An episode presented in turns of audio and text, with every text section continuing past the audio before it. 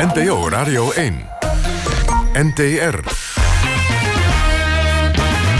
Kwesties met Marianne van den Anker en Rob Oudkerk. Vrienden van de radio en hartelijk welkom bij weer een nieuwe aflevering van Kwesties. Het live debatprogramma van de NTR hier op NPO Radio 1. Waarin wij actuele en brandende kwesties zoals iedere week in Nederland bij de kop pakken. En u kunt ons ook zien hier in de mobiele studio. Dat kan via de app of op radio1.nl. Wij staan met de bus in Maarhezen waar net zoals in alle andere dorpen en steden Sint Maarten uitgebreid wordt gevierd. De cafetaria waar we zaten kwamen maar liefst vier kindergroepen binnen. En al dat snoep werd met grote graagte verzameld. Maar er is hier ook, en daar gaan we het vanavond over hebben... een groot asielzoekerscentrum... waar asielzoekers uit zogenaamd veilige landen... voor veel overlast zorgen, diefstal en drankmisbruik. En de gemeente wil deze groep asielzoekers... in navolging van Rotterdam gaan weigeren mag dat eigenlijk? Dat hoorde zometeen in deze volle bus. Maar nu eerst Marianne van Anker over een oproep aan christenen... om geen donor te zijn voor het KWF. Marianne. Ja, wij staan hier uh, om de hoek van het uh, KWF. Dus dat betekent dat we in Amsterdam uh, staan. Met een heel andere kwestie. Menselijke embryo's gebruiken voor onderzoek naar kanker. Als het aan een christelijke actiegroep ligt... moeten we daar direct mee stoppen. Hebben ze gelijk? Ik sta hier met uh, Michiel Hemminga van uh, de actiegroep Citizen Go. Ze hebben een petitie gestart.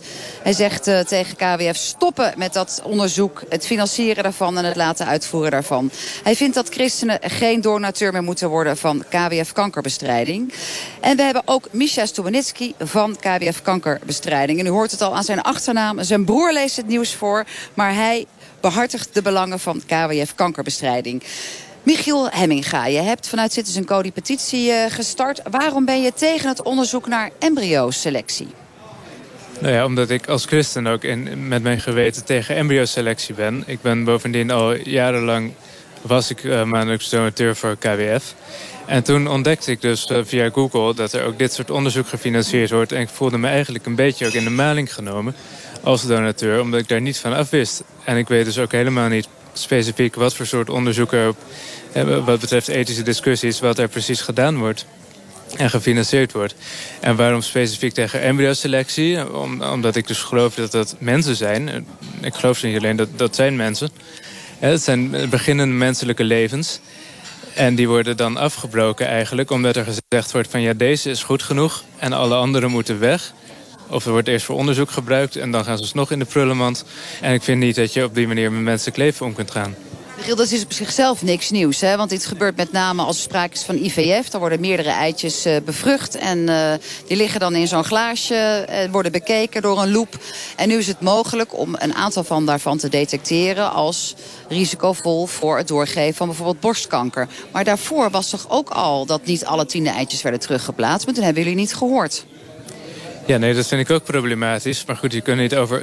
Ten eerste, dat is al begonnen voordat ik er bewust mee bezig was natuurlijk. En je kunt niet overal uh, specifiek tegen protesteren. Maar hier liep ik nu tegenaan, omdat er zelf mij een collectant aan de deur kwam. En dat zette me aan het denken van, wat doen ze eigenlijk precies voor onderzoek allemaal? Toen ben ik dat gaan onderzoeken en toen ontdekte ik dit dus. En toen werd ik daar toch een beetje ont, ontstemd over. En ik dacht van, ik ga mijn donatie stopzetten. En dat moeten ook anderen mensen die hier niet voor zijn, die moeten dat ook weten. Christenen, moslims, ook mensen die niet gelovig zijn... maar die dat ook problematisch vinden. Eh, die moeten dat weten, want die weten nu niet dat dit soort onderzoek gefinancierd wordt... met hun donateursgeld. Er zijn inmiddels 2000 eh, handtekeningen gezet onder deze petitie... waarbij jij uh, oproept aan KWF stop met embryoselectie... en stop met het financieren van onderzoek daarnaar. Um, Misha Stubenitski, wat vind jij van de petitie vanuit KWF Kankerbestrijding? Nou, laat ik om te beginnen zeggen dat ik uh, vanuit de geloofsovertuiging van meneer Hemminga... Uh, dat respecteer ik, dat hij die petitie is gestart. Ik ben het er niet mee eens. En ik denk ook dat het goed is om uh, duidelijk uit te leggen... waar dit precies over gaat, dit onderzoek. Want het blijft wat abstract, embryoselectie. het gaat over vrouwen die drager zijn van het BRCA-gen. Dat is een erfelijk gen. Dat zorgt ervoor dat je 60 tot 80 procent kans hebt op het krijgen van borstkanker. 35 tot 45 procent kans op het krijgen van eierstokkanker. Dat is een erfelijk gen. Er zijn dus uh, complete families die hiermee te maken hebben. Ook zeer triestere uh, voorbeelden van meerdere familieleden die om het leven komen. Nu zijn er natuurlijk vrouwen die dit gen dragen en een kinderwens hebben. De kans dat je het gen doorgeeft aan je kindje is 50% Nou, dan moet je je voorstellen hoe moeilijk het is... als je dan voor de keus komt te staan... wil ik een kind of niet? Hè? Eh, wat doe ik met mijn kinderwens? En voor die vrouwen is uh, de embryoselectie in dit onderzoek opgezet. En ja, het is zeer belangrijk onderzoek. En een uitkomst uh, voor, voor vrouwen en voor paren... die ja, met dit probleem worstelen. Even in de techniek ter dingen, want dit kan nu vooral als je een IVF-baby uh, laat uh, verwekken. Maar dit kan natuurlijk nog niet als je gewoon op de normale manier zwanger wordt. Nee, dat klopt. Het, het, het is een IVF-traject. En dan is het zo heel simpel gezegd... zaadcelletje wordt bij eicelletje gebracht. Er is een bevruchting en na drie dagen kan uh, de onderzoeker zien of dat gen... Daadwerkelijk aanwezig is bij achtcellige embryo. Daar hebben we het over. Een achtcellige embryo. Ja, heet het dan al een embryo eigenlijk? Ja, dan heet het officieel een embryo. Ja. Oké. Wij zijn uh, vanmiddag de straat opgegaan en we hebben aan mensen gevraagd... of zij het een goed idee vinden dat er onderzoek wordt gedaan... naar dit soort uh, ja, doorgeven van erfelijke ziektes... en of dat zij achter embryoselectie staan. Luistert u even mee. Want ik heb het met mijn oudste zoon ook meegemaakt. Mijn vrouw kon geen kinderen krijgen, toen hebben ze dat ook gedaan.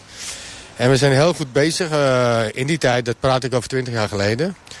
En we zijn heel goed opgevangen, behandeld. Maar in die tijd waren ze nog niet zo ver. Dus je moest hopen dat alles goed ging. Ik ben hartstikke blij dat dit uh, onderzoek nu zo ver is. Nee, nee, nee. Vind ik een beetje eng. Nee, zou ik niet doen, nee. Ja, ik vind het heel moeilijk. Het is toch het, is toch het begin van een, een leven. En dat wordt vernietigd en daar ben ik niet mee eens. Nee, tuurlijk niet. Het zijn toch mensen? Het zijn toch levende wezentjes wat, ja, wat ze eigenlijk dumpen zo. En ik heb zelf net een heel lief kleindochtertje gekregen. Dus ja, het is heel dubbel dit. Als het onderzoek, is, als het onderzoek van tevoren kan uitwijzen van dit wordt een ziek kind... Op, waarom zou je dat kind dat aandoen? Ja, het, het staat mensen vrij om zelf te beslissen wat ze doen met die informatie, denk ik. Ik vind dat mensen ook ruim moeten denken. Kijk, je, je wil liefst een gezond kind hebben... En, uh, en natuurlijk kan je niet alles krijgen dus van God. En je moet er blij zijn wat we hebben. Maar een gezonde kind is het allermooiste wat er is op deze wereld. Michiel uh, Hemminga, jij bent initiatiefnemer van de petitie... Stop met de financiering van embryoselectie.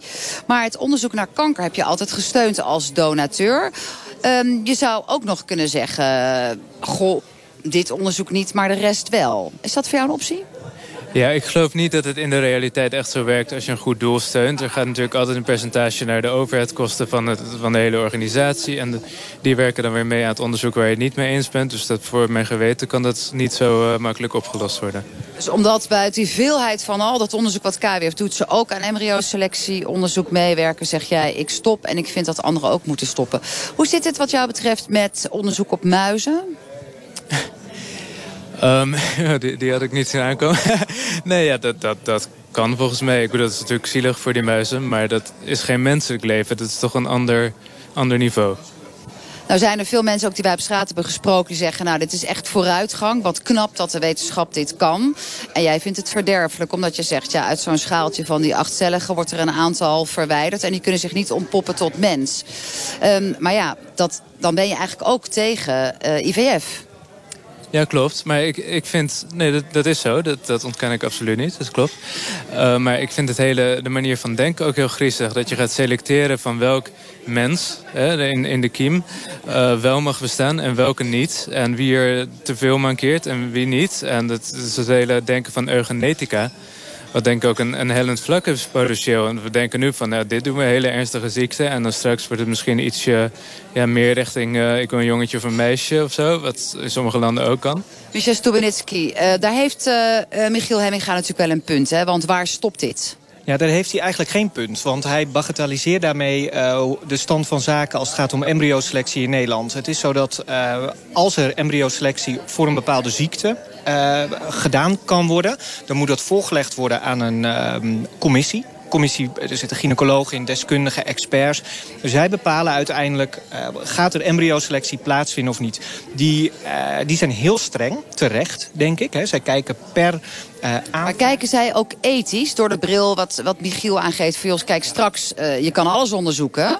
En straks gaat het ook al plaatsvinden vanuit het petrischaaltje naar de buik. En voor het weten hebben we straks ook meer abortussen... omdat er iets niet bevalt aan de bevruchting. Ja, zeker. Nou, als je kijkt naar dit onderzoek, hè, al het onderzoek dat KWF financiert gaat aan de hand van uh, drie criteria. Haalbaarheid, relevantie en wetenschappelijke kwaliteit. Maar omdat dit een, hè, dit, dat zie je ook dat we hier nu zitten. Het is een ethische discussie.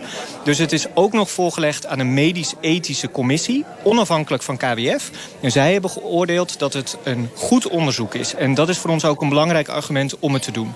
Maar tegelijkertijd uh, hangt jou het risico boven het hoofd... dat veel christenen en misschien ook moslims, uh, zoals Michiel suggereert... jullie straks niet meer steunen. En dan?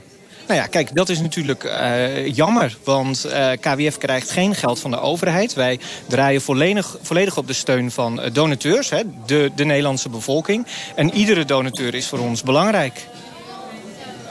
Ja, ze willen jullie toch heel graag erbij houden. Wat moeten ze dan doen vanuit de KWF, uh, Michiel Hemminga van Citizen Go? Ja, dat is heel simpel. Gewoon ophouden met onderzoek naar embryoselectie. Is dat kansrijk? Zijn jullie er gevoelig voor, Michiel? Misha? Nee. Nee, nee de, de, de, de, afwegingen die wij hebben gedaan om dit onderzoek te financieren... die zijn zo uh, nauwkeurig en ook zo streng, ook richting onszelf... dat wij, ik sta er gewoon voor de volle 100% achter... dat wij dit onderzoek uh, hebben gefinancierd en zullen blijven financieren.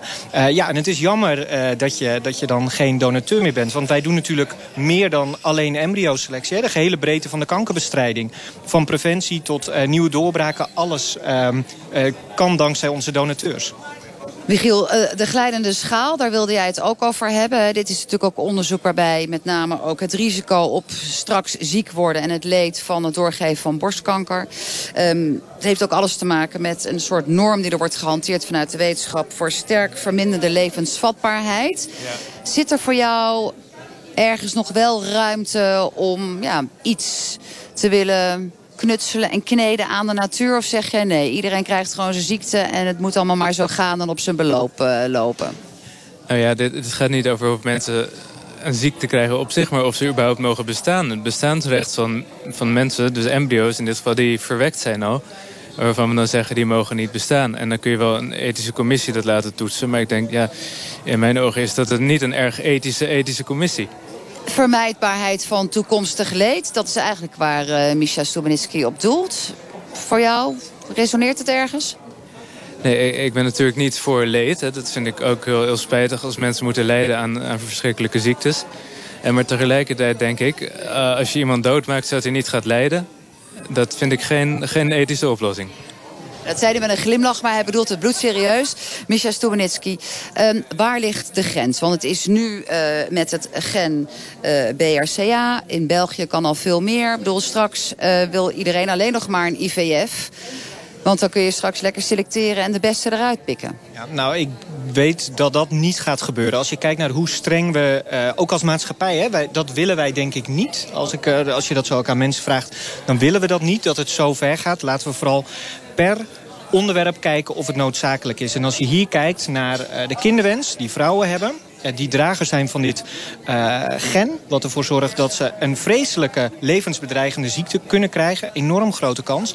Voor hen is het een, een, een uitkomst om toch gezonde kinderen te krijgen. En dat is denk ik heel belangrijk om het hierop te focussen helder. Maar dan gaat het alleen over dit onderzoek. En mijn vraag was, waar ligt natuurlijk de grens? Hè? Want straks, we hoorden dat ook van mensen op straat... een gezonde baby is zo betekenisvol. Straks wordt een gezonde baby een keuze.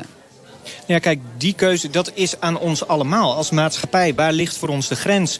En ik weet dat er vorig jaar is er nog een uh, verzoek geweest... over embryoselectie met betrekking tot melanoom. Zeer agressieve vorm van huidkanker. Dat heeft de commissie bijvoorbeeld afgewezen. Dus er kan wel iets in Nederland, maar niet heel veel. Ze zijn streng.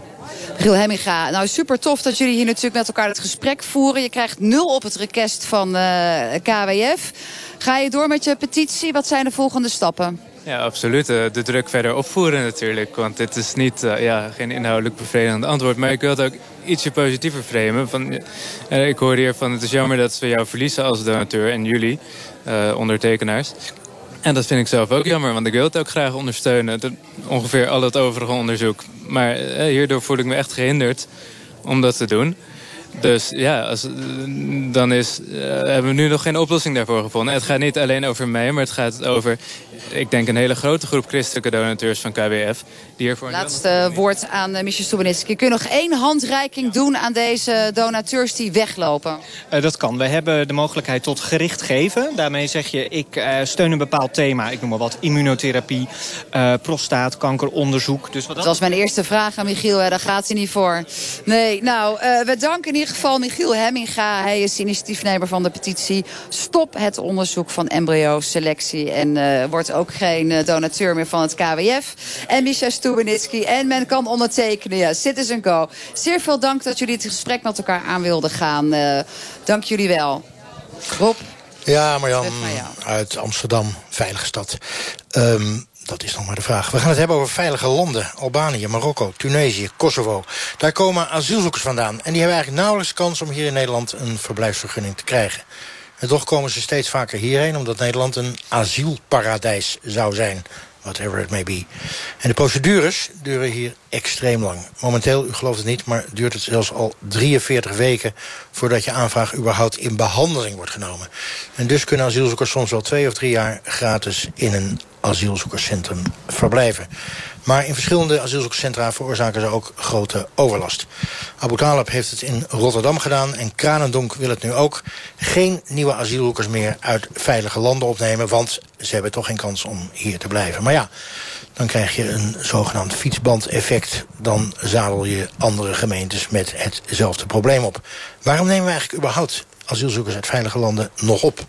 We staan hier vlakbij Weert, bij het asielzoekcentrum Kranendonk. Een van de eerste plekken in Nederland waarvan de burgemeester aan de bel trok... vanwege grote overlast.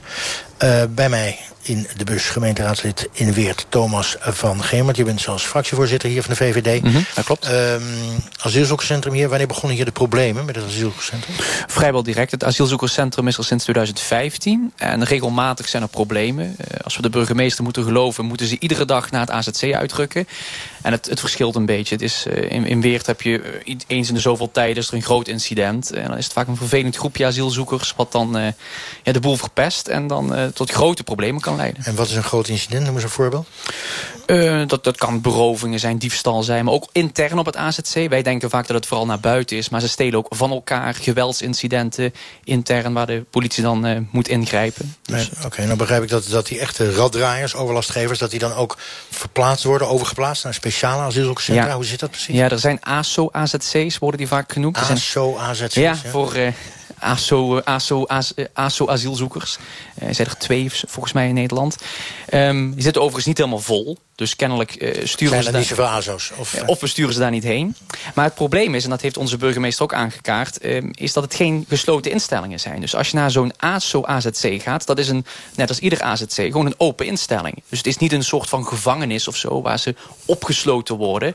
Um, het is wel een soort strafmaatregel om daar naartoe te gaan. Maar je, je bent dan niet opgesloten betekent dus ook dat je nog steeds overlast kan veroorzaken. Oké, okay, over die overlast gesproken. Eerder deze week waren onze redactieleden hier op straat... langs winkeliers en mensen op straat... of ze eigenlijk zelf overlast ervaren van nieuwkomers van het asielzoekerscentrum.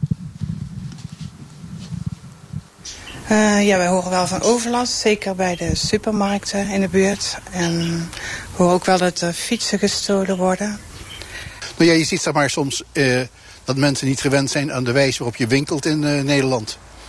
En dan moet je ze toch een klein beetje helpen uh, om te vertellen hoe dat gaat. Dat je een wagentje pakt in een mandje. En zo dat je dus die dingen niet in een tasje stopt of zo. Ik hoop dat mensen snel leren. De politie moet hier bij de Jumbo een paar keer per dag. Alleen de dus mensen die alles weghalen, daar komt de politie hier voor. Dus drie keer, een paar keer per dag. Een man die, uh, die betaalt met een twintigje. En hij had twee sloffen sigaretten. En hij loopt ermee weg. En blijkt de 20 vals te zijn. Dat soort dingetjes. Uh, ik heb er absoluut geen last van. Ik heb kleine kinderen die er met regelmaat naartoe huppelen. En ze zijn altijd vriendelijk. Ze krijgen wat te eten. Uh, nee, ja, we hebben hier hangjongeren. Ik denk dat ik daar meer last van heb dan deze mensen. Meer last van hangjongeren dan van uh, deze mensen. Thomas van Gemert, VVD-gemeenteraadslid in Weert. Heb je zelf eigenlijk wel eens overlast ervaren van ze? Nee, ik woon vrij ver van het AZC af. Maar de mensen, de omwonenden daar, hoor je vaak wel problemen. Maar dat gaat met golven. Dus je hebt eens in de zoveel tijd, is er, is er een incident... en dan hoor je heel veel erover. En op dit moment bijvoorbeeld is het vrij rustig. Um, dus dat gaat altijd met pieken. Uh, het ligt eraan wat voor groepje er is. Want het is die doorlooptijd is ook vrij groot in zo'n AZC. Dus mensen zijn er vaak maar kort. Dus ook de vervelende mensen zijn er vaak maar kort. Uh, nou zei ik in mijn inleiding al asielparadijs. Is er nou een correlatie tussen asielzoekers uit veilige landen en meer overlast en onveilige landen minder overlast? Ja, we hebben, dat, uh, we hebben schriftelijke vragen gesteld aan de burgemeester hierover. Krijgen we nog antwoord op. Maar we weten wel, uit, in ieder geval uit de signalen die wij krijgen vanuit de burgemeester... dat het wel zo is. Dat uh, het groepje wat vaak overlast veroorzaakt... komt met name uit die veilige landen Marokko, Algerije, Tunesië. En dat is een groot probleem. En dat blijft maar komen, want die, die mensen kunnen niet terug naar die landen... of worden niet teruggenomen. Dus uh, ja, iedere keer komt er weer zo'n groepje langs. En we weten, we weten wie het zijn. Dus, Oké, okay, uh, je weet wie... Ook, dat is in ieder geval iets... Ja. Uh, Marie Beenakkers, raadslid voor Proces. Wat is Proces? Proces is een uh, progressieve bundeling van uh, progressieve partijen. Dus bestaande uit PvdA, D66, SP en GroenLinks die samen een... Ik tel er vier, maar goed, ja, die andere twee nee, sla je nee, over. zes staat op ja? de zes kernen van Kralendom. Okay, dus de zes dor dorpen waaruit Kralendom bestaat. Anders ga je los met je collega's. Ja, ik vraag toch maar even van jou. Heb jij, veel, heb jij overlast überhaupt aan den lijve ervaren? Nou, ik heb een paar keer uh, overlast ervaren. Uh, een keer toen ik uh, zo'n ja, een paar weken geleden, weet je wel, toen het wat schemerde... en liep er een paar in Budel een paar dronken um, Arabisch sprekende mannen op straat... die me achtervolgden. En ik ben echt niet bang uitgevallen. Maar ik, ik denk wel, ik hoor bijvoorbeeld ook van verhalen... van mensen die bijvoorbeeld op het station belaagd worden. Jonge kinderen, hè, die met seksuele uh, intimidaties te maken krijgen... of dat er gesist wordt of weet ik wat. En dan denk ik, dat moet niet kunnen. Want het station ligt hier vrij decentraal. En dat is gevaarlijk. Hè? Dus ouders adviseren die kinderen dan... als je dat meemaakt, ga je door tot Weert... en kom dan, uh, bel ons op en we komen je halen. Maar dat zijn dingen die eigenlijk niet nodig hoeven, moeten zijn. En normaal hebben wij helemaal geen last van de vluchtelingen. Maar deze groep, die zorgt echt voor overlast. En dat is zo jammer, want ze verpesten het voor de vluchtelingen... die okay, wel opvang nodig hebben. Maar moet ik nou, ik vroeg het net ook aan je collega-politicus... moet ik nou zeggen, de vluchtelingen uit de veilige landen, dat zijn onze overlastmakers. Ja. En de is het zo zwart-wit? Zo zwart-wit maken wij het mee, want we hebben van de overige totaal geen last. Oké, okay. in de bus de zusjes Rivka en Enna, ja, zo zijn jullie geïntroduceerd. Uh, Eekhoven, geboren en getogen, alle twee in uh, Marhezen. Ja. Hoe erg is het hier? Ja, ik, ik ben een beetje verbaasd eerlijk gezegd, nu ik dit zo hoor. Uh, ik ervaar zelf helemaal geen overlast. En ik woon hier ja, al mijn hele leven. Dus nee, nee, ik kan, ja, ik kan niet anders zeggen. Maar zitten ze dan aan de overkant? Uh, maar het kan, kijk, ik, ik zeg niet, hè, misschien wat er bij de Jumbo gebeurt... of bij andere winkels, dat weet ik niet. Maar ik woon hier. En bij mij in de straat wonen Syriërs... Uh, heel, heel gastvrij. Uh, goed, er zijn dan als ook een ander verhaal... dan de andere vluchtelingen die we het over hebben. Maar ik, ik, heb, ik heb helemaal geen last ervan. Kijk en ik heb twee kinderen, dus... Hm. Kijk even naar de overkant, naar bij de politici. Nou zegt een inwoner, geboren en inwoonster... neem ik aan, geboren en getogen hier, die zegt... Weet niet waar je het over hebt. Nou, ik merk het ook pas sinds dit jaar, hoor. Ik bedoel, voorheen heb ik er nooit geen last van gehad. Ik ben zelf taalmaatje, ik kom ook veel in die gezinnen. Nooit geen overlast. Maar sinds dit jaar, sinds die uh, figuren er zijn... en misschien komt het ook wel omdat ik het natuurlijk vaak hoor... omdat ik als politica aangesproken word... Uh, he, doordat ze in de Jumbo, in de Lidl maar, en bij de Kruidvat overlast veroorzaken. Ja, ga je gang. Ja, ja, en ik wil eigenlijk vragen, want de vraag werd net gesteld aan jou van... wat is jouw eigen ervaring? Dus daar ben ik eigenlijk benieuwd naar. Nou, ik heb dus wat ik zei, één keer zelf een vervelende ervaring gehad. En wat? Verder niet. Nee. Hè, maar ik hoor de verhalen wel. Hè, omdat ze me bereiken. Maar ik vraag me af... Zegt zusje Rivka. Ja. Sorry. ja. Hoe jullie dan precies weten dat het alleen maar mensen zijn uit de veilige landen. Wie zegt dat? Want daar zitten alleen maar dus mensen nu op dit moment uit veilige landen. Thomas? Nou, in Weert is het ongeveer dat er 250 van de 1000 uh, komen uit veilige landen. En daarvan weten we dat van die 250 is regelmatig een groepje dat overlast veroorzaakt. Okay, dat is een klein dan... groepje, 20 mensen. Dus het klopt, het grootste gedeelte van de vluchtelingen gedraagt zich heel erg netjes. En het gaat ook vaak heel goed. Ja, en ik zeg ook nog even iets anders. Je zegt 250 van de 1000, gaat ook vaak heel goed. Uh, ik hoor van mijn redactie 1 tot 3 aangiftes per maand. Ja, dat mm. heb je bij de gemiddelde raddraaier in welk ander dorp en uh, welke andere stad dan dat ook. Dat klopt ook. En je moet ook bekijken, duizend mensen, zet die maar eens bij elkaar. Een gemiddelde wijk in Weert waar duizend mensen wonen... komt de politie misschien ook wel één keer per dag of één keer per week. Dus we moeten het, het ligt wel heel erg onder een vergrootglas. Maar het probleem is hier vooral dat het een heel klein groepje is... dat we duidelijk in beeld hebben. Ja, ik ben op zoek gegaan... of uh, gewoon zeg maar bij de, uh, de winkeliers heb ik aangeklopt... van wie ik de verhalen hoorde. En er was een voorbeeld van een man die zei... nou, bij mij in de zaak hebben ze vijf keer op een dag... Hè, voor een bedrag van meer dan 40 euro drank weggehaald. En dan moesten ze dus uh, met de politie mee... werd er aangifte gedaan. Hè, dan krijg je een hele administratieve romslomp... dat dan ook nog vaak eens tien uur in beslag neemt. denk je, waar zijn we mee bezig? Dus die klaagde echt steen en been... van dit gaat zo niet langer. Oké, nou heb ik één ding begrepen. Dat de VVD hier, uh, Thomas, uh, onlangs aan het college gevraagd heeft... om asielzoekers uit veilige landen die overlast veroorzaken... Uh, of die kunnen weigeren. Mag een gemeente, vraag ik aan asieladvocaat Bart Toemen... mag een gemeente juridisch gezien eigenlijk asielzoekers uit veilige landen weigeren op te vangen? Ik denk dat dat vrij lastig is. Uh, Rotterdam heeft het dus uh, uh, gedaan. Abu Talib heeft gezegd... ik wil geen asielzoekers uit veilige derde landen. feit is dat iedere, iedereen die in Nederland asiel aanvraagt... recht heeft op opvang. En er wordt geen onderscheid gemaakt naar, naar, naar uit welk land jij komt. Zijn we Europees verplicht. Is gewoon Europese regelgeving. Kunnen we ook niet wijzigen nationaal. Dus die verplichting die, die staat ja, het, het, toen ik het hoorde kwam het bij mij een beetje over ook op cherrypicking. Hè? Dus de, de, de, mensen die, die, die zich, waarvan wij denken dat die zich goed gedragen... Eh, die mogen komen en die anderen dat schuiven maar door naar, uh, naar iemand anders. Maar het lijkt mij heel erg lastig om dat juridisch af te dwingen. Maar wat is dan uh, de kunst van Abu Talib die het dan wel voor elkaar krijgt daar? Want jij zegt juridisch is het eigenlijk gewoon verder lastig. Ik denk dat uh, Abu Talib een goede lobby heeft. Daar zullen we het dan maar even bij laten voorlopig. Het is even half negen. U luistert naar het programma Kwesties op NPO Radio 1. En wij praten over asielzoekers uit veilige en niet veilige landen... en met name de overlast die zij wel of niet veroorzaken. Veel van die asielzoekers die kunnen nog niet goed Nederlands praten. Anders zaten ze uiteraard hier vanavond ook al in de bus. Toch hebben we er een paar gesproken. Eén uit Algerije bijvoorbeeld, een zogeheten veilig land.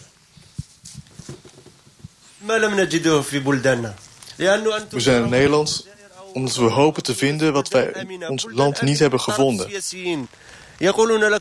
En jullie denken dat Algerije of Marokko veilige landen zijn. Die landen zijn veilig omdat jullie politici zeggen dat ze dat zijn. En dat er geen problemen zijn. Dat er geen terroristen of moordenaars zijn. Maar als jullie zien wat de overheid doet in dat gebied... rond Libanon, Palestina en Jordanië Syrië... als jullie dat zien, dan zouden jullie besluiten dat Algerije niet veilig is. Hebben jullie ooit meegemaakt dat een president 25 jaar aan de macht blijft? Deze president heeft nog nooit gezien hoe jongeren leven in Algerije. Vanaf 2017 tot nu toe vertrekken alle jongeren uit Algerije. Nu geldt dat ook voor families. Bestaat dat in Nederland, dat een oude vrouw om een woning moet vragen? Hier hebben de mensen alle rechten. Wij hebben in Algerije geen rechten gekregen. Behalve plichten. Als je naar de verkiezingen moet. Naar het leger. We hebben geen rechten, alleen plichten. Asieladvocaat Bart Toemen, kan je eigenlijk onderscheid maken tussen veilige en niet veilige landen? Uh, ja, ik denk dat dat onderscheid wel kan maken. Dat er een, aantal landen zijn waarvan je uh, in zijn algemeenheid kan zeggen... dat mensen die daar vandaan komen minder risico lopen... in vergelijking met, laten we zeggen, Syrië en Afghanistan. Maar dat neemt niet weg dat ook uit landen die wij uh, veilig noemen... Uh, vluchtelingen vandaan kunnen komen. Mensen die hele goede redenen hebben om dat land te verlaten. Op individuele basis dus. Maar dat geldt altijd in het uh, asielrecht. Dat is altijd op individuele maar basis. Maar gemiddeld, hoe, hoe, hoe, hoe, groot is de kans dat asielzoekers uit zogenaamde veilige landen... Hè, door politici dan als veilig land bestempeld... hoe groot is de kans om hier een verblijfsvergunning te krijgen? Ja, als je gaat vragen in procenten of iets dergelijks, weet ik niet. Maar laag? Ja, hij is laag. Dat, uh, dat klopt. Ik bedoel, een, een asielzoeker uit, uh, uit Marokko heeft het aanzienlijk last, lastiger dan een asielzoeker uit, uit Syrië. Asociaal, we hebben het over ASO, AZC's gehad. Asociaal of gewelddadig gedrag wordt niet getolereerd. Dat zegt het Centraal Opvangorgaan Asielzoekers. Wij vroegen aan een Iraanse meneer of binnen zo'n AZC goed wordt gehandhaafd. Ze houden geen rekening met andere mensen hier. Tot heel laat in de nacht maken ze en hun kinderen veel lawaai. Ze hebben luidsprekers en ze spelen tot middernacht of één uur s'nachts keihard muziek in de hal. Mensen willen hier rusten. We hebben bijvoorbeeld een interviewgesprek met de IND of een afspraak met een arts. Maar dat maakt hen niets uit. En er is niemand. Geen beveiliging om hen s'nachts te vragen. Geen herrie te maken. En het kan nog erger. We spraken nog meer mensen die in een asielzoekerscentrum verblijven. Ook in Weert gaat het volgens deze Pakistaanse asielzoeker mis. I recently I had a friend from Syria and she was Laatst heeft de politie een vriendin uit Syrië verteld dat ze geen gestolen spullen in het AZC moet kopen. In het AZC weten asielzoekers dat als ze gestolen spullen willen, ze bij de Marokkanen moeten zijn en moeten vragen of ze er iets voor hebben. Ik zeg niet dat alle Marokkanen zo zijn, zegt ze. Maar meestal is het de Marokkaan die je naar de gestolen goederen brengt.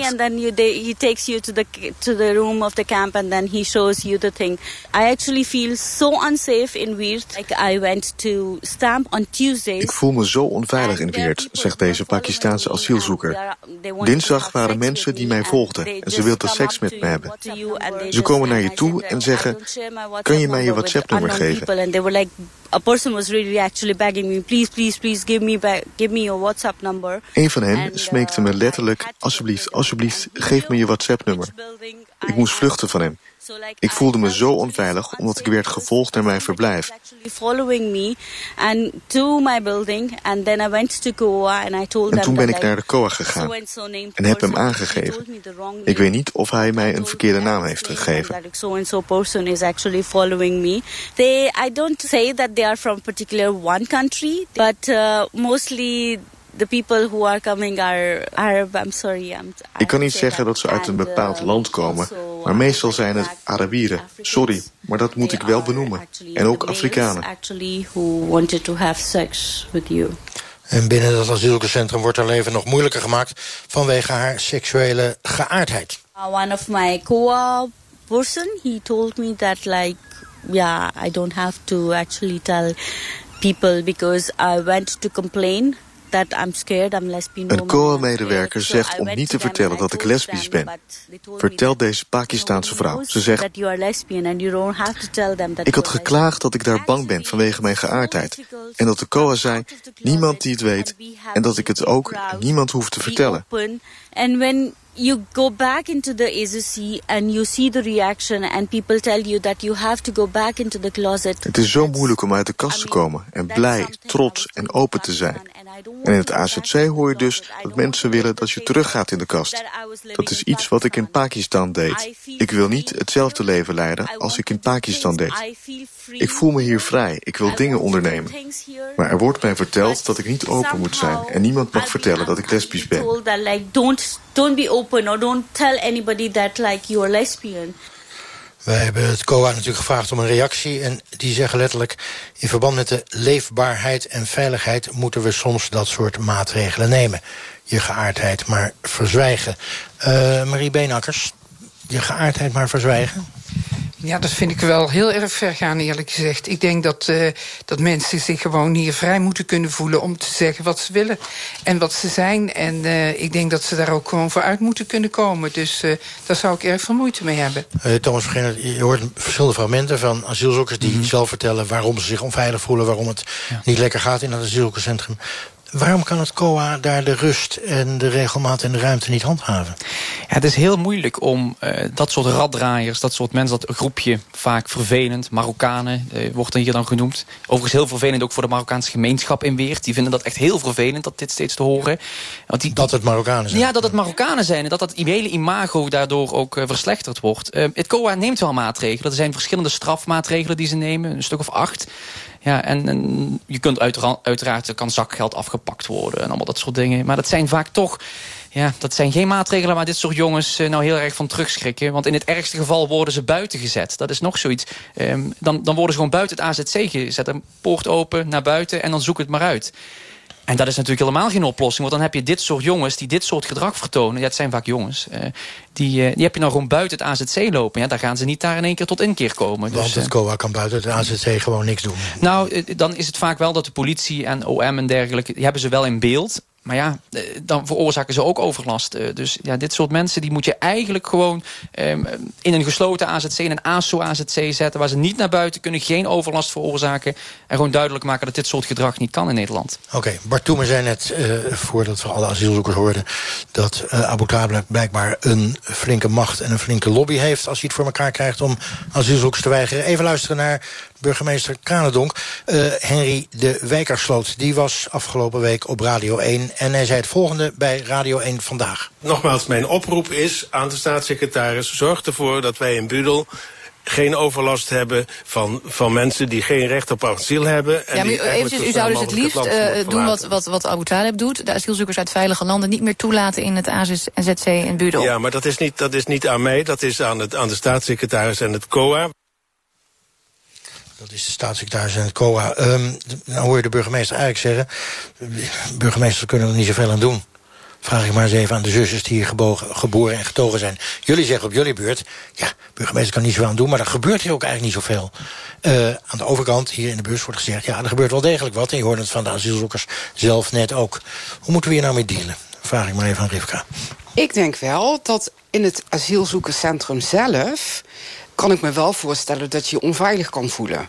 Maar er is niet in Marezen. Dus ja, wat de burgemeester daaraan zou moeten doen... ik heb echt geen idee. Sorry. Zij, zij. En zij. zij, zij. Nou, ik, maar gelukkig hebben de raadsleden dat wel. Tenminste, dat neem ik aan. Ja, nou, het is wel zo dat uh, de burgemeester heeft in ieder geval wel ervoor gezorgd... dat er steeds, uh, uh, of sinds, sinds een korte tijd, zeg maar, sinds die overlast... er is dat er een soort boas rondlopen... die dus de mensen in het Arabisch... Buitengewone opsporing, ja, ambtenaren. Ja, ja, ja, inderdaad, helemaal gelijk.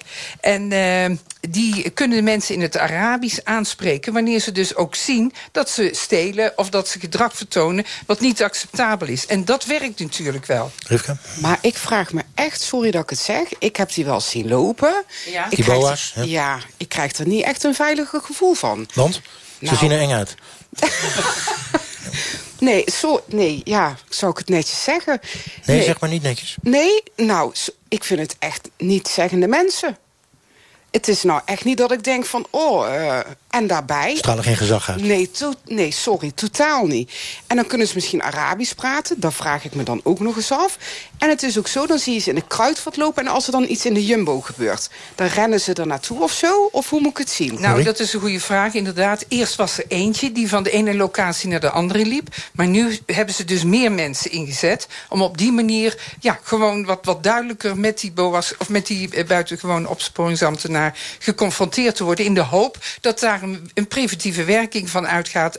en dat die mensen zich dus vooraf bedenken... dat ze eh, zoiets niet moeten ondernemen. Oké, maar even een cruciale vraag. Eh, Thomas van Gemert.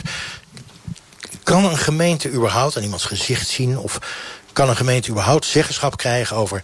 die asielzoeker wel, die asielzoeker niet? Dat is vooral niet aan de gemeente. Dit is echt iets wat het COA eigenlijk in mee zou moeten werken. Het COA zou gewoon niet moeten willen dat mensen die uit dit soort landen komen... Die Veilige landen, Veilige landen, die overlast veroorzaken... tussen de reguliere vluchtelingen zitten. Waartoe? Dus het is iets waar het COA moet oppakken. Nou ja, de, de cijfers die, eh, die ik nog heb gelezen... is dat, eh, dat het dan gaat om een, eh, een marginaal percentage.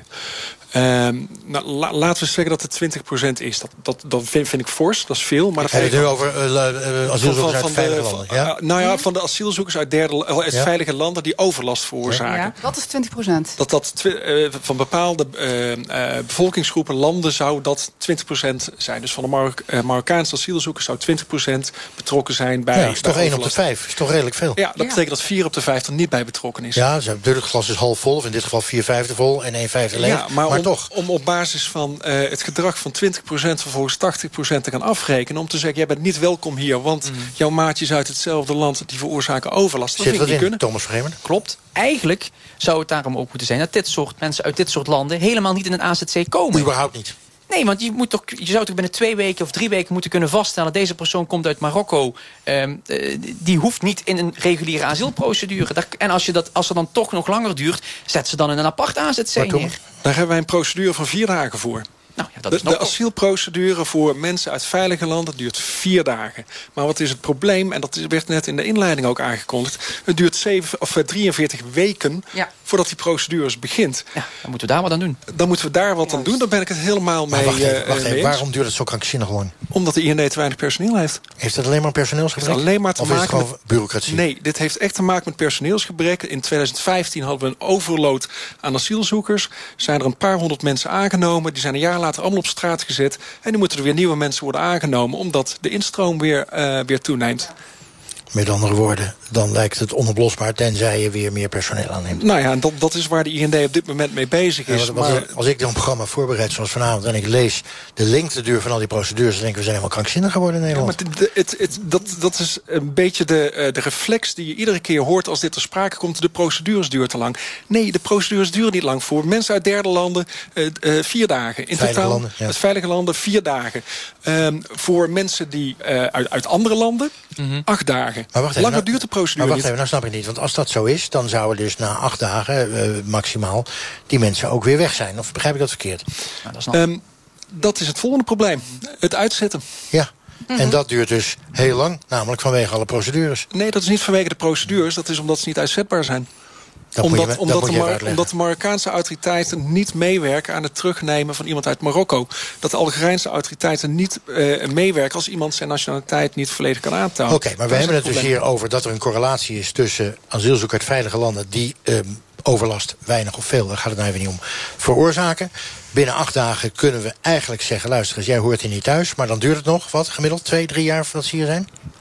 Eh, nou ja, de, de, ik ken eh, zaken van, eh, van, van mensen uit Marokko... die inderdaad drie, vier jaar hier zijn... en die niet verwijderd kunnen worden. Die in vreemdelingenbewaring gaan... en dan na anderhalf jaar weer uitkomen. Omdat ze niet uit te zetten zijn. Oké, dan zijn ze niet uit te zetten omdat de regering daar niet meewerkt. En ondertussen, of het nou hier in de buurt is of in andere buurten in Nederland... veroorzaken ze allerlei seksuele intimidatie, overlast, et cetera. Hoe kunnen we dit oplossen? Daar wordt strafrecht voor. Ja, daar hebben we het strafrecht voor. Ja, Met andere woorden, eigenlijk horen ze hier niet. Ze blijven hier, doen allerlei nare dingen, hebben strafrecht voor. Maar ja, dan blijven ze misschien nog langer. Ja, dat, kijk, het, het niet kunnen uitzetten, daar, daar ligt echt de crux. Dat is echt het probleem. Ik bedoel, er is niemand, wie je, wie je ook spreekt... die vindt dat als iemand uitgeprocedeerd is en hier niet mag blijven... dat hij dan toch maar in Nederland moet, eh, eh, moet blijven. Iedereen die, eh, die in dit veld werkt, die is erover eens... op het moment dat mensen hier niet kunnen blijven... dan moet je ook werk maken van de verwijdering. En het is voor iedereen het beste dat dat zo snel mogelijk gaat. Maar we hebben gewoon helaas te accepteren dat dat niet geldt voor ieder land. Dat niet ieder land daar zo, eh, zo netjes aan meewerkt. We hebben het aan de man gevraagd die daar het meest eindverantwoordelijk voor is. Kan die terugkeer niet wat sneller? Dit is wat staatssecretaris Mark Harbers daarover zei. Er zijn een aantal maatregelen die we hebben. Zo hebben we nu ASO-AZC's, waar deze mensen eens even een tijdje kunnen, kunnen afkoelen. Ehm, maar daarnaast nemen we ook andere maatregelen. Als mensen strafrechtelijk in de fout gaan, dan moeten we er natuurlijk bovenop zitten. Met een soort van lik-op-stuk eh, beleid. Eh, lokaal proberen we daar dan ook afspraken over te maken met de politie, met het Openbaar Ministerie, om er bovenop te zitten. Allerbelangrijkste is natuurlijk dat veel van deze mensen niets te zoeken hebben in een asielprocedure in Nederland. Want ze komen uit een veilig land. En we letten er ook heel scherp op dat voor deze groep de doorlooptijden niet toenemen. Dat we er ook echt met elkaar in slagen om zo snel mogelijk, en dat is soms al binnen enkele dagen, het besluit te nemen dat eh, eh, ze afgewezen worden in Nederland. En we dus ook gelijk aan de terugkeer kunnen gaan werken. Uh, Thomas van zouden we die mensen uit veilige landen... überhaupt wel in procedure moeten nemen? Nou, als je een hele snelle procedure zou hebben, wat ook de, de staatssecretaris zegt. Nee, dan zou, of ja, een hele korte procedure. En dan komen ze niet in een reguliere AZC. Dan kunnen ze geen overlast veroorzaken. Eh, maar doordat in theorie klinkt het allemaal heel mooi. Een heel korte procedure, slechts een paar dagen. Alleen dit probleem wisten we een jaar geleden ook al. Een jaar geleden is het ook al een keer aangekondigd. En misschien nog al langer geleden trouwens. En het, er wordt maar niks aan gedaan. Die doorlooptijd wordt, maar, hij wordt misschien niet langer, zoals de staatssecretaris zegt. Hij wordt zeker niet korter. En zeker niet een paar dagen. En ook aan het COA, asielzoekers die veel overlast veroorzaken... heb ik me laten vertellen, tijdelijk schorsen. Dus Mhm. tijdelijk de toegang tot zo'n asielzoekerscentrum ontzeggen. Wat, wat moet ik me daar, vraag me even wat moet ik me daarbij voorstellen? Want ze moeten er ergens heen. Nou ja, eh, die maatregel houdt dus precies in wat, wat, wat, Thomas net zei. je wordt uit je kamer gezet en de komende twee weken moet je jezelf maar redden op straat. Ja, en, is niet de oplossing, denk ik. Nee, lijkt me ook niet. Want als je jezelf moet redden op straat... dan ga je her en der eens wat halen om jezelf te redden. Ja, uh, grappen, dat, dat soort dingen. Dus dit is een contraproductieve maatregel. Sterker nog, ik zat gisteren in de trein en, naar Amsterdam... en zaten twee Algerijnen... die zaten dus een blikje whisky te drinken in de trein. Hè? En dan denk ik, zie ik het nou goed? Ja, het was whisky. Gewoon overdag. En dan denk je, ja, ik, ik heb verder het gesprek niet aangegaan... maar dan denk je, ja, kloppen doet het niet. En je zit hier natuurlijk vlak bij de Belgische grens. Dus als ze hier bijvoorbeeld uh, het land uitgaan... dan zijn ze ook weer in no time terug. Hè? Want je zit er nog geen zes kilometer vandaan. Dus uh, dat is ook het volgende probleem. Nou is het, we praten al een tijdje over veilige landen en niet veilige landen... en mensen die overlast veroorzaken en niet overlast veroorzaken. Ik vraag me even aan de zusjes. Je kan natuurlijk aan een gezicht niet zien... hé, hey, dat is er een die overlast veroorzaakt... of dat is er een die geen overlast veroorzaakt, Rivka. Nee, nee. Met andere woorden, je ziet toch ook een beetje klem. Want er zullen ongetwijfeld onder andere asielzoekers uit de niet-veilige landen... Ja, ook mensen ook zitten... mensen.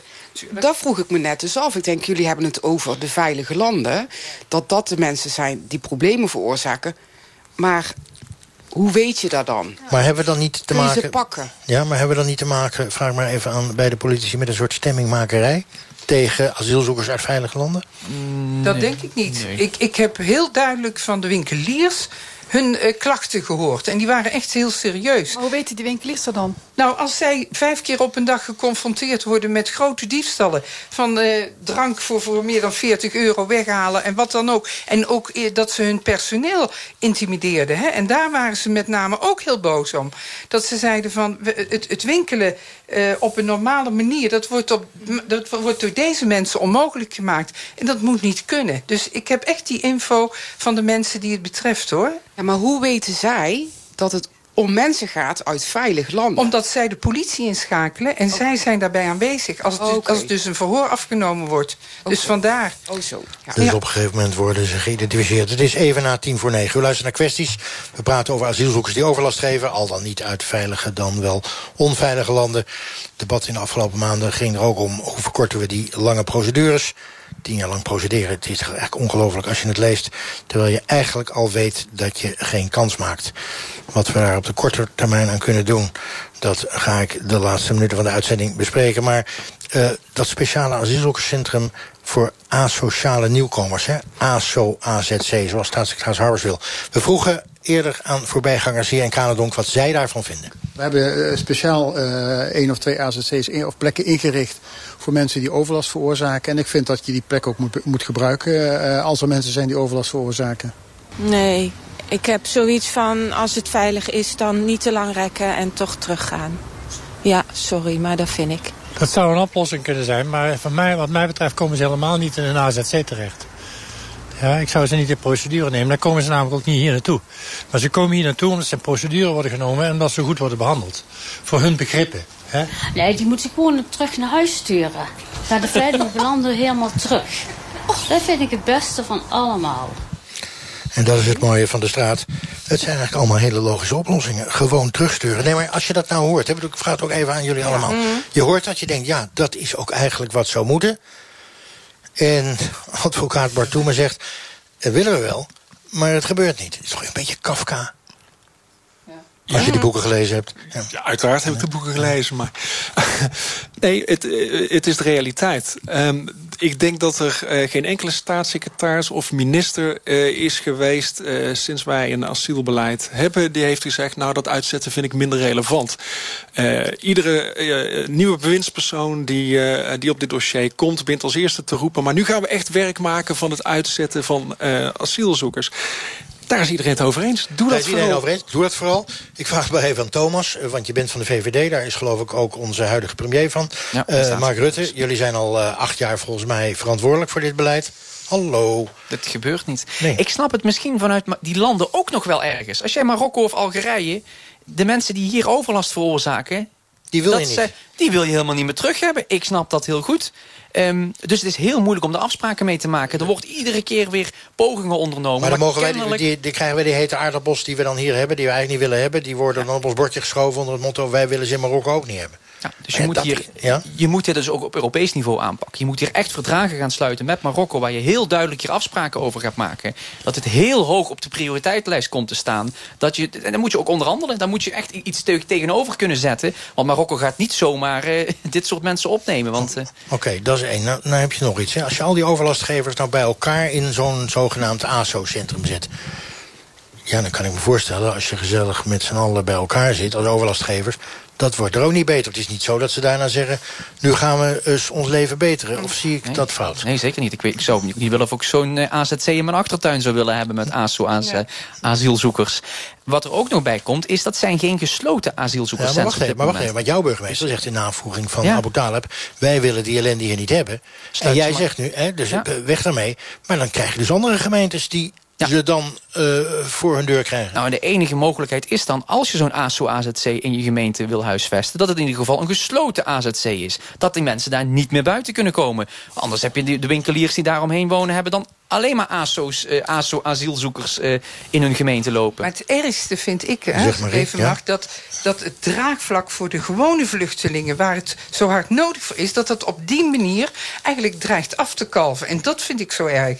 Hè, want uh, voorheen waren hier nooit problemen met vluchtelingen. En nu zie je gewoon dat sommige mensen daar toch wat meer problemen mee krijgen... door datgene wat er gebeurt. En dat is zo jammer.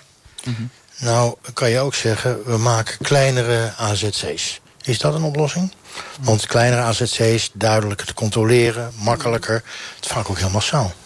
Nou, is waar het COA ook voor kiest. Hè. Het COA heeft juist ervoor gekozen vaak om grote AZC's... Ja, maar waarom doen ze dat? Want je weet natuurlijk, als je heel veel mensen op een kluit hebt... dat geeft vaak allerlei problemen. dat is niet alleen bij asielzoekerscentra. Nee, dat klopt, dat klopt. Maar je kunt ook natuurlijk iets doen aan het beleid. Wat, want dat, dat groepje overlastgevers wordt ook wel vaker verplaatst naar, van AZC naar AZC. Dus COA weet kennelijk heel goed wat ze doen. Eh, en dat is ook het vervelende. Je kunt er als gemeente kun je er heel boos over maken. Maar uiteindelijk, het COA heeft hier wel iets in handen. Zij kunnen ook uh, sneller acteren en sneller die mensen naar een ASO-AZC of, of een kleinere AZC ja, uh, maar net zoals jouw ja, maar net zoals jouw burgemeester in Abu Talib... zullen dus burgemeesters van andere steden ook zeggen... not in my backyard. Ja. Of ja. niet in mijn achtertuin. Nou, en dat, dat is ook het punt van onze burgemeester. Die zegt, waarom zouden wij eh, ja, als burgemeester van een relatief kleine gemeente... van 20.000 inwoners minder rechten hebben... dan een burgemeester van Rotterdam? Hè?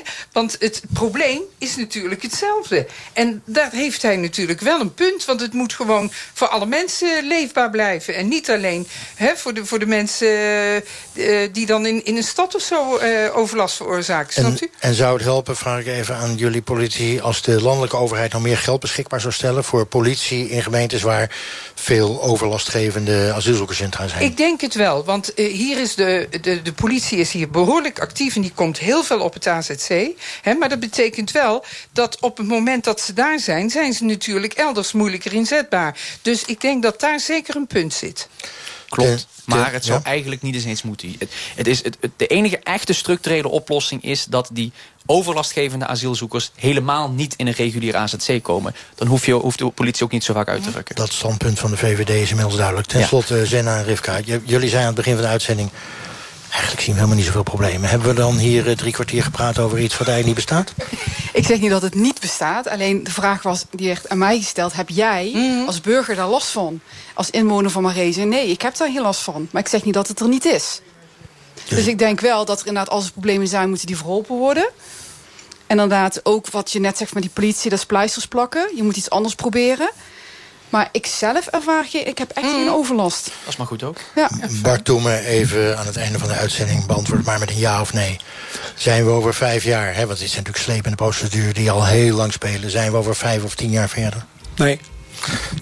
Altijd vrolijk, altijd vrolijk. Zo'n uitzending met zo'n conclusie. Hartelijk dank. Tot zover deze uitzending van Kwesties vanuit Maarhezen in Noord-Brabant. Zometeen Radiodoc. En volgende week zondag zijn we er weer. En hebt u nou een kwestie die u in deze bus besproken wil hebben? Mail ons dan kwesties.ntr.nl. Ik dank de aanwezigen hier in deze bus. En ik wens u allen aan de luisterpoort nog een prachtige avond.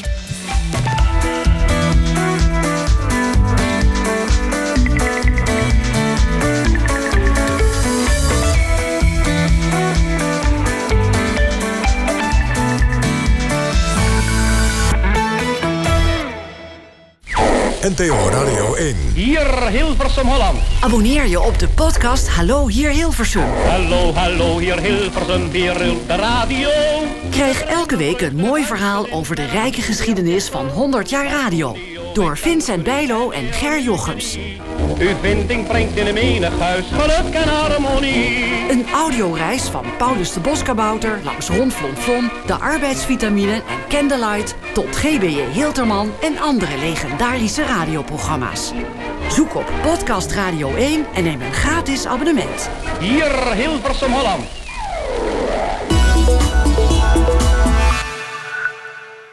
Esther's reden om klant te worden bij Hof Horneman Bankiers. Nou, kijk, ik heb wat geld en eerst zat ik bij private banking. En toen vonden ze me ineens minder interessant en moest ik bij preferred banking. En pas kreeg ik te horen dat ik weer terug moest naar private banking. Ja, dank je de koekoek. Nu zit ik bij Hof Horneman. Dat is een goede bank, hoor. Maak ook kennis met de Bank voor Vermogensbeheer. Vraag ons kennismakingsboekje aan op hofhorneman.nl. Design thinking helpt complexe problemen op te lossen. Managementboek heeft er nu een nieuwe online training over. Kijk op managementboek.nl slash designthinking. Tijdelijk met introductiekorting. Goedenavond. Maak er een mooie dag van. En sluit vandaag nog de ANWB Veilig Rijden Autoverzekering af. Dan belonen we een veilige rijstijl met een lagere premie. En bij een botsing of andere autoschade weet je zeker dat je goed wordt geholpen. Voor de prijs hoef je het niet te laten, want onze veilig rijden autoverzekering is nu het eerste jaar met 15% korting extra voordelig. Bereken je premie op aanwb.nl/slash autoverzekering.